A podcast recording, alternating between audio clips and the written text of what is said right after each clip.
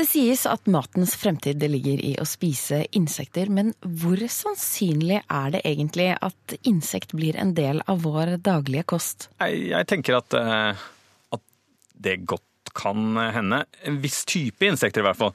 Fordi jeg er enig i at det er noen ting som ikke høres godt ut. Jeg syns det er ganske mye som ikke høres sånn veldig godt ut. Du har ikke lyst på fluer, du har ikke lyst på edderkopper. Men kunne det ikke vært godt med et insekt som, er, eh, som har ti føtter? Omtrent sju til ti centimeter. Litt kannibalistiske tendenser. Hmm. Ikke egentlig, altså, hvis jeg skal være helt ærlig. Men du spiser det allerede. Ok. Det jeg snakker om, er et slags insekt som lever under vann. Det er en eh, prodantrisk hemafroditt. Opptrer gjerne sammen med majones, loff og sitron. Dagens program skal handle om reker.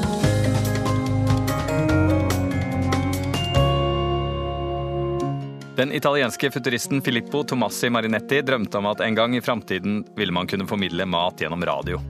At man rett og slett spiste det man hørte. Helt slik er det ikke blitt, men nesten. Og med dette programmet som vi har valgt å kalle nettopp Radiomat, skal vi prøve å gi deg spiselig kunnskap. I Radiomat skal vi snakke om matens kulturhistorie, om råvarer, om matens betydning opp gjennom historien og i vår tid. Og vi skal snakke om smak. For hva er vel egentlig bedre enn når vår sult på god mat og vår nysgjerrighet på kunnskap smelter sammen? Ovenfor meg sitter kokebokforfatter, matentusiast og småbonde Andreas Visa. Han er også den eneste jeg kjenner som har reist over 1000 mil for å spise skikkelig, skikkelig, skikkelig store reker. Og overfor meg sitter matblogger, radiomenneske og tidligere servitør Pia Skjevik, som en vakker sommerdag for mange år siden var med å servere 776 kilo reker. Etter det spiste jeg ikke reker på to år.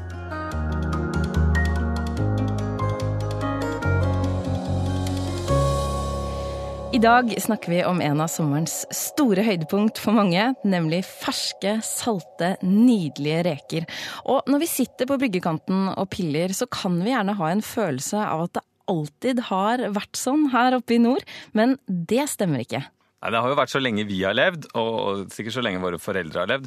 Men det med å spise reker på den måten vi har gjort, det er jo ganske nytt. Det er liksom mye avhengig av at vi har hatt eh, trål, trålen, som er som, eh, det, det fiskeredskapet vi bruker for reke, rett og slett. Og hvis man går tilbake et par hundre år i, i tid, så er det sånn at Henry Notaker han siterer en eh, forfatter som heter O.N. Løberg fra begynnelsen av 1800-tallet. og Han sier fiskerne bruker det som agn. Og så legger han til der hvor det når byer, kan det også brukes til handel. Eh, og i dag eh, så ville det jo vært på en måte absurd å, å bare bruke det til agn. Absolutt. Men, men det sier nok også noe om hvordan eh, vi forholder oss til mat. At, at veldig ofte så har byene vært en viktig, et viktig sted for å etablere nye tradisjoner. Og nå, nå spiser man jo reker over hele landet, men før var det nok sånn at en del av de tingene som eh, de, de, de, de ble introdusert som motefenomen. Noen Ja. forsvinner, andre blir. Hvis vi vender blikket utover, da, hvordan er det med reker i resten av verden? I andre deler av verden så har man spist reker mye lenger enn det vi har. Av, av forskjellige grunner. Kanskje fordi man var litt mer avanserte i forhold til teknologi. Litt fordi man eh, var litt mer eh, eksperimentell i matveien. Men også mye fordi at man har forskjellige typer reker som kan fanges på forskjellige måter. Hvor mange forskjellige typer reker finnes det?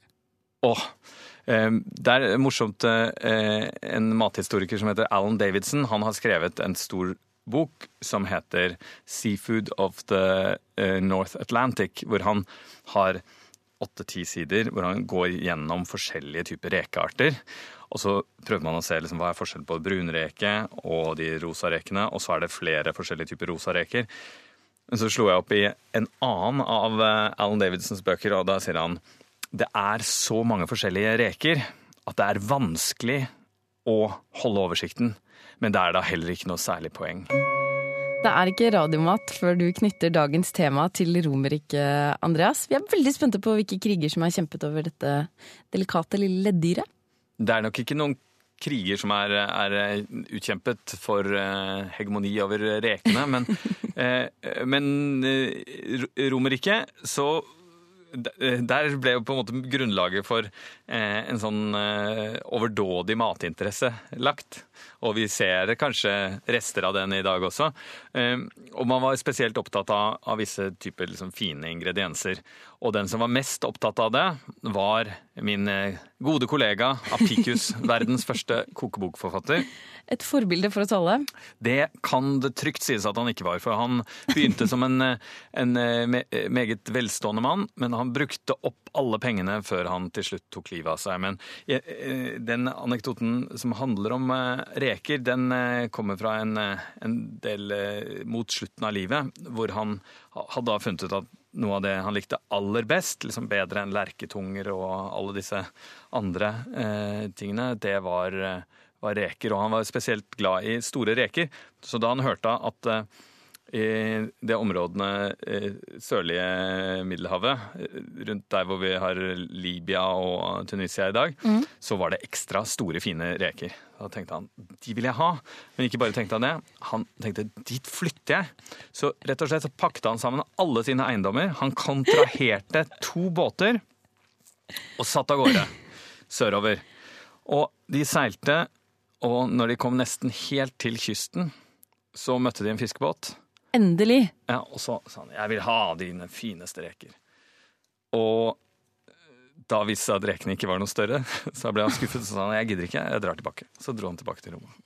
Jeg er glad i reker, altså, men jeg vet ikke helt om jeg ville pakket sammen hele familien og, og, flytta til et sted hvor jeg trodde det var store, eller større reker. Det kan være. Jeg, er, ikke, jeg er matskribent, ikke psykolog, men kanskje det var en grunnleggende rastløshet et eller annet sted der også.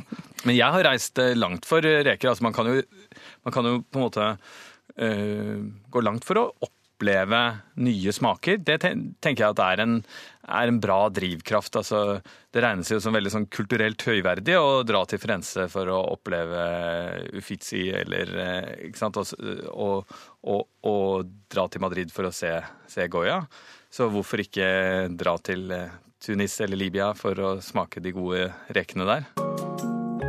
Liker du Radiomat, må du mer enn gjerne følge oss på Instagram eller Facebook. Der heter vi NRK Radiomat. Og bruk gjerne også emneknaggen Radiomat hvis du vil dele bilder.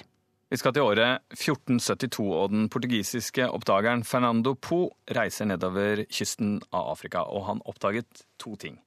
Det første han oppdaget, var at Afrika ikke var en øy. For det trodde de på den tiden? Ja, De trodde det var en kjempestor øy. De visste i hvert fall ikke at den fortsatte videre der hvor den liksom knekker inn eh, etter det som i dag heter Senegal. Mm. De trodde at det var slutten av kontinentet. Ja. Så han gjorde den store oppdagelsen at det var et kontinent, ikke en kjempestor øy. Eh, og så oppdaget han også en elv, og den var ikke som en vanlig elv, den var kjempestor, og den hadde en unik fruktbarhet. Den var rett og slett stappfull av reker. Fantastisk. Så, så han kalte elva for Rio dos Camaroes. Som rett og slett betyr Rekeelven. Ja, og det landet med denne elven har blitt kalt opp eh, etter rekene, så den heter eh, Kamerun den dag i dag. Så navnet Kamerun kommer egentlig fra det portugisiske navnet for reker? Det er ganske stilig. Men hvorfor kjenner vi ikke da veldig godt til reker fra Kamerun? Nei, det her er jo en del av eh, rekenes historie. De er gode, men de har en tendens til å bli fisket opp. Så i dag er det ikke mye reker igjen i rekeelva. Så det går ikke an å få tak i reker fra rekenes land? Nei, her er et eksempel på en ting som stadig opptrer når det gjelder eh, mat og spiselige ressurser. Det er hvordan vi først forelsker oss i en ressurs, så finner ut hvordan å bli mer og mer effektive på å utnytte den, inntil vi til slutt ikke har noe igjen av den. Vi ser jo i dag at som, der hvor landbruket begynte, der er det ørken. Og der hvor man hadde den rikeste rekeforekomsten, der er det nesten ingenting igjen.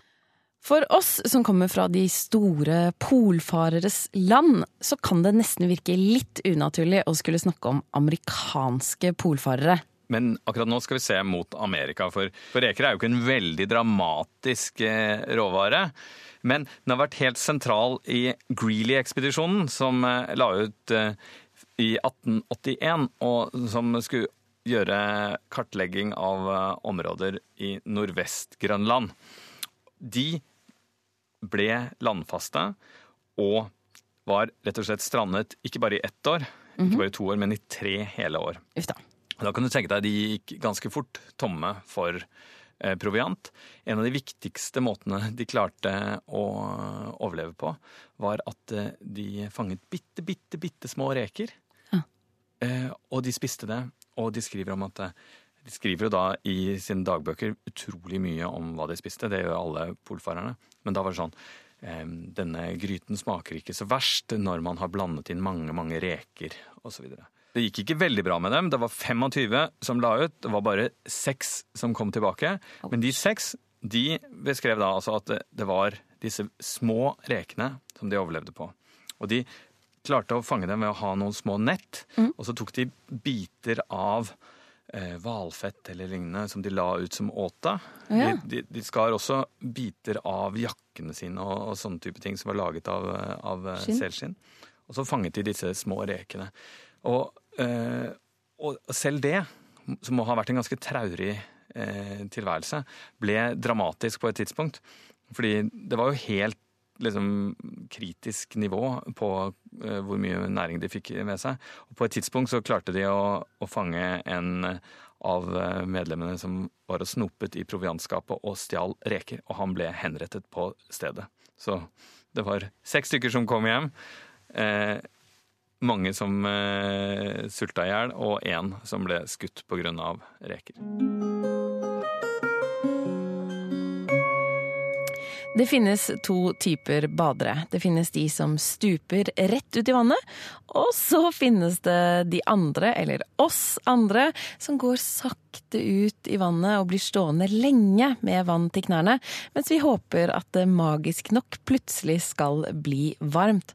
Og mens man står der da og venter på at temperaturen skal eh, forandre seg, så hender det ofte at det kommer bort noen reker og titter litt, og kanskje til og med prøver å, å spise litt på beina våre. Og jeg må jo innrømme at jeg ved flere anledninger enn én har prøvd å fange disse rekene. Men det er jo helt umulig. Det er ikke umulig, men det er ganske vanskelig. Det er veldig vanskelig. Ja, ja jeg, har, jeg, jeg gjør også det. Jeg prøver å fange reker som, eh, som hobby, men det, det blir ikke mye mat ut av det. altså. Det, liksom jeg og sønnen min kan samarbeide, og vi får tolv reker på et par timer. Men hvordan var det vi fant ut at vi kunne fange mange? Det er forskjellige måter å, å, å fange reker på. En, en måte har vel vært å, eh, å fange de som har blitt eh, igjen når tidevannet går ned. Så er de igjen noen steder, så da er de på et litt sånn begrenset område. Det er en effektiv måte å fange disse bitte små rekene på. Eh, Den mest storslåtte måten som jeg har lest om, var en eh, sånn eh, tradisjonell fangstteknikk fra Belgia og en del av Altså i, i den engelske kanalen der, hvor man hadde eh, en slags sånn tidlig type troll hvor det var menn til hest. Som, som gikk langs land med en slags kurv ute i vannet for å fange den. Og, og det, det er jo kanskje liksom ekstra storslått, det derre den enorme størrelsen på dem. Og så får man eh, For der er det typisk ganske små, små reker, bitte små reker man får. Så, så liksom Å, jeg er stor mann. Se, jeg kan fange en reke på halvannen centimeter. Men det er visstnok en ganske effektiv måte. Ellers så har jeg sett at, at det er områder hvor man har et slags sånn tidlige type tegner. Altså at du har rett og slett eh, kurver. Ja. Flettede kurver hvor det, er en, hvor det er lettere å komme inn enn å komme ut. Og så, og så legger man et eh, dødt fiskehode eller eh, den type ting. Mm, dødt fiskehode. Og så har man jo gradvis funnet mer og mer effektive fangstmetoder. Og det er jo ikke bare bra, for det betyr at man på et tidspunkt kan fange flere reker enn enn det som er bærekraftig. Innledningsvis så siterte du Alan Davidson, den store matskribenten, og han skrev at man egentlig ikke trengte å bry seg så mye med de forskjellige typene reker. Men det syns jeg likevel vi skal, for det er jo rett og slett ganske forvirrende det hele. Vi har scampi, vi har tigerreker, vi har grønlandsreker, og, og hvem av disse er egentlig en reke? Ja, det er, det, er, det, er, det er veldig det er forvirrende, man kan ikke helt se bort fra det.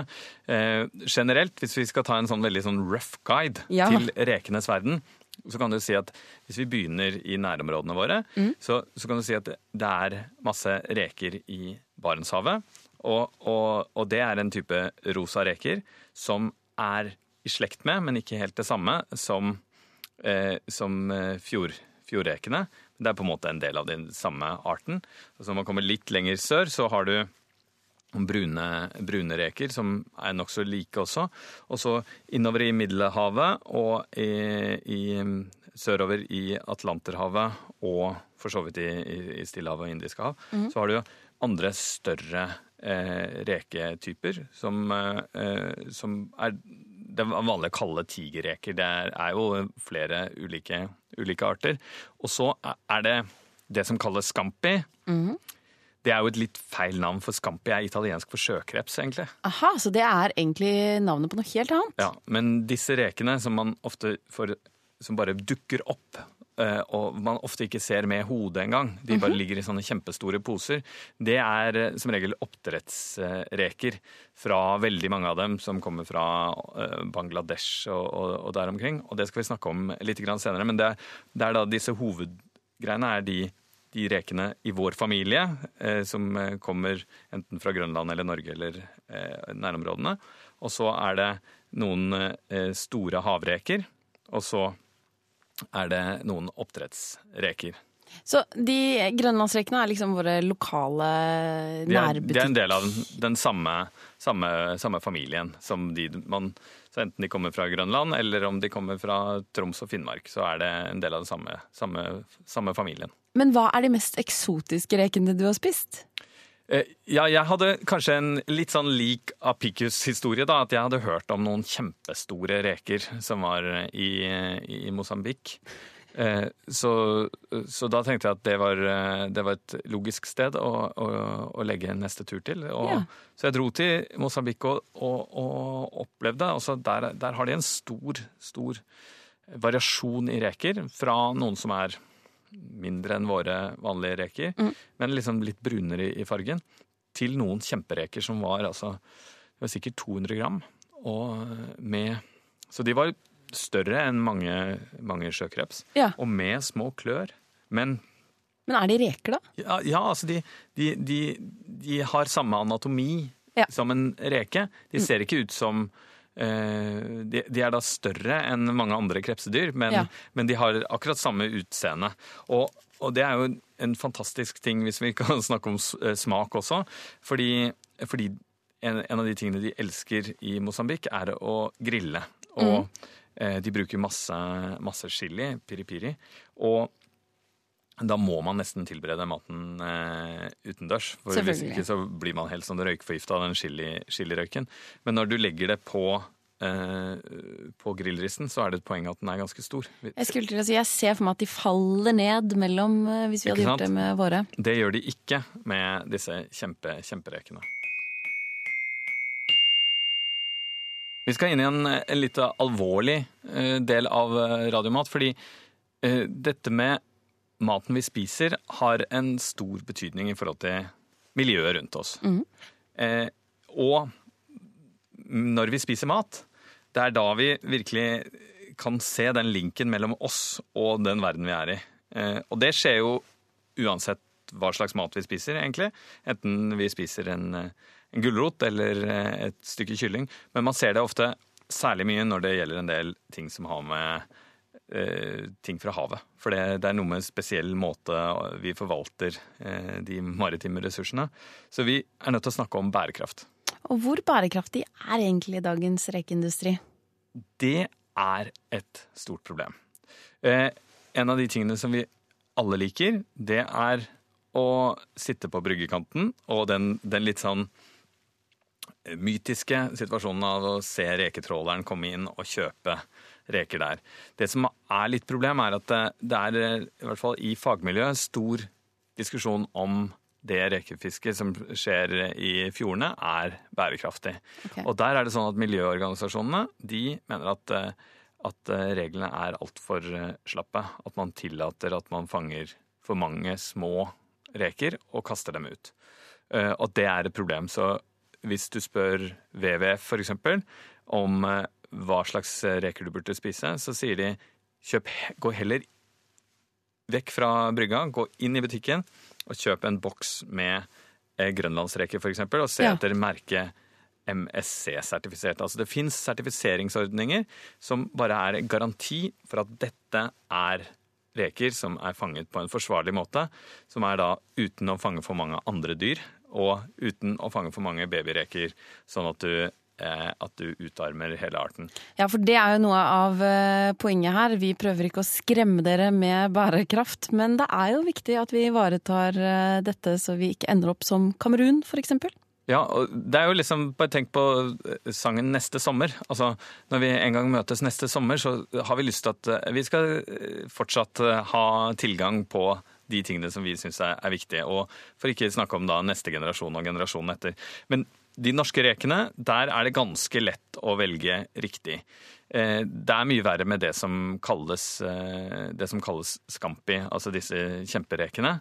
Eh, Det er, der er noe av det oppdrettet som finnes på reker der, er noe av det mest problematiske.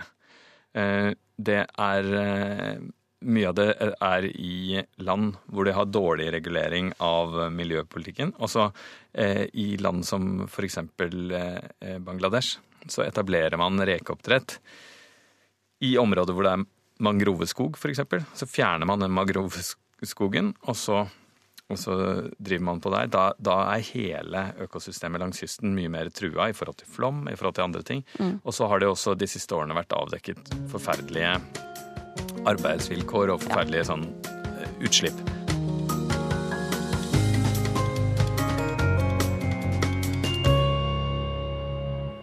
Mat handler om historie. Det handler om miljøet vi lever i. Men grunnen til at vi gidder å oppta oss med det, er at det handler om smak, og at eh, vi har valgt å snakke om reker fordi vi syns at reker er utrolig godt. Men når det kommer til rekespising, Andreas, så er det på en måte som om det finnes to skoler. Det er de som suger ut innholdet i hodet, og de som ikke gjør det. Hvem av, eh, hvem av rekespiserne tilhører du? Ja, jeg liker det som fins i hodet, og eh, jeg har prøvd å lære meg den teknikken hvor du kan skrelle rekene sånn at litt av den biten av kjøttet som, som sitter inni hodet, følger med også. Som er liksom brunaktig. Ja, både litt av det hvite kjøttet går Ja. inn, inn i hodet, men også litt av det brunaktige. Og vet du hva det brune er? Nei, Er det hjernen til reken? Nei, den Hvis du har prøvd å holde en, en normal konversasjon med en reke, så blir det liksom bare eh, Faller ut etter et minutt eller to. Nei, det er, det er rett og slett eh, leveren til reka som er inni hodet. Mottatt. Og, og, og den eh, Det er der den også lagrer mye energi. Og jeg syns at den brun, eh, leveren er noe av det beste, og noen ganger så er det også biter av rogn. Og det er også Alle vi som følger deg på Instagram, Andreas, vi vet godt at du er eh, glad i rå reke, og kanskje da spesielt den rå rekeretten kjent fra den danske restauranten Noma.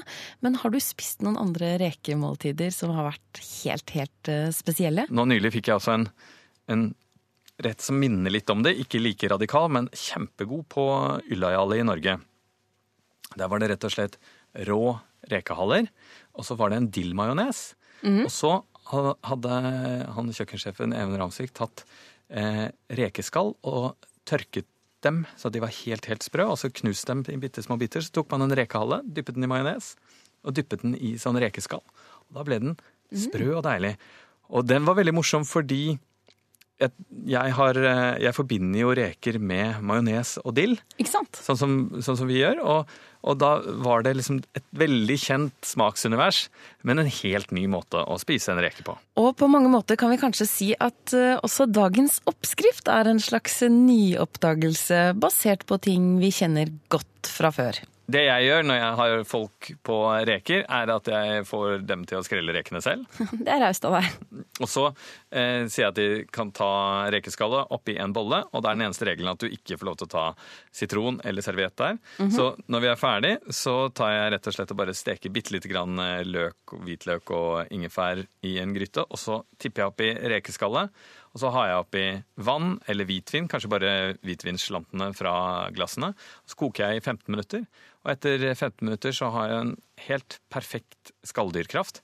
Veldig sånn ren, akkurat passe salt.